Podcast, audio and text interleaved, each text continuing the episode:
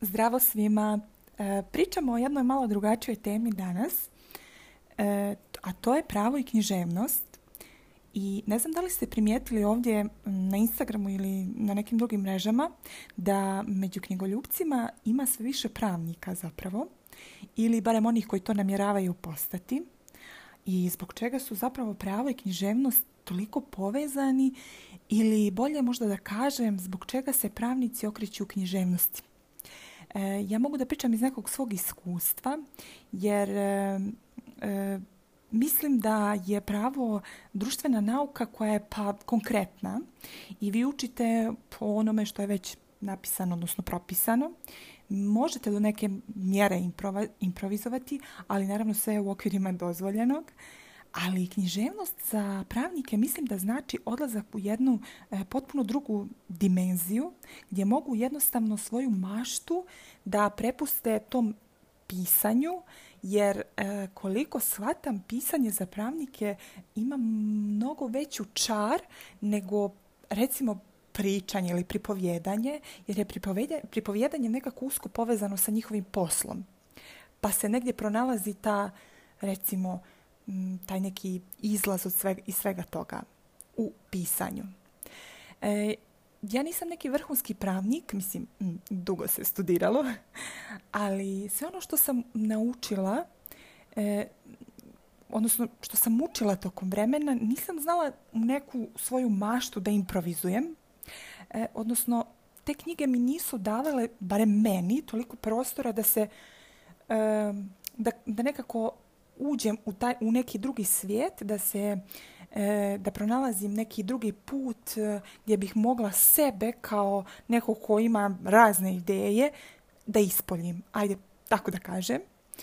E, što se pisanja tiče, tu je opet dolazim do te povezanosti zbog toga što zapravo neki od velikih pisaca zapravo su bili ili jesu pravnici. E, Evo navest ću primjer, Laza Kostić, on je bio doktor pravnih nauka i smatra se jednim od e, najvećih srpskih pjesnika. E, tu su još e, mnogi drugi koji su pisali stručna naučna dijela kao Slobodan Jovanović, Đorđe Tasić, Živojn Perić i tako dalje. A možda niste znali, e, svi ovi koji ću sada da navedem, to su veliki srpski pisci, zapravo su pravnici, bili pravnici. E, Jovan Sterija Popović, Branislav Nušić, Laza Lazarević, Borisav Stanković i moj Trebinjac Jovan Dučić i mnogi drugi. E, postojali su i oni koji su pisali pravo, e, ali ga nisu završili kao, na primjer, Branko Radičević, Đura Daničić. Mm, I ne mogu da se sjetim da li postoji još neko. E, mada mislim da je vrijedno da spomenem neke pravnike, pisce, recimo novijeg doba, e, kao na primjer, ajde, nešto što je popularnije sad, e, John Grisham, koji je poznat po knjigama Reketaš, Suva planina.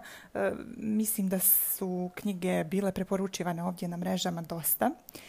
I kod nas, što je sad ovako popularno i tako da kažem, odnosno dosta se priča i piše o toj knjizi, e, odnosno knjizi tog autora, jeste Miodrag Majić koji je sudija apelacionog suda i on je pored svih stručnih značajnih dijela e, napisao i Decu zla koja je zapravo thriller i objasnio je da jeste provukao e, neke primjere iz svoje sudske prakse kroz, kroz tu knjigu.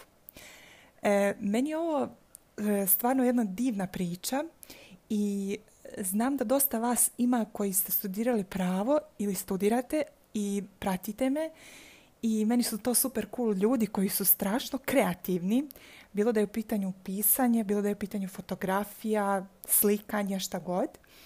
I htjela bih sad e, vas za kraj ove priče da pitam da li znate neke ljude koji se bave, e, odnosno kojima je struka nešto sasvim drugo, a E, svoj hobi ili neku drugu kreativnost ispoljavaju e, potpuno drugačije od toga. Dakle, nešto što je potpuno drugačije od struke kojom se bave ljudi koji su multitalentovani.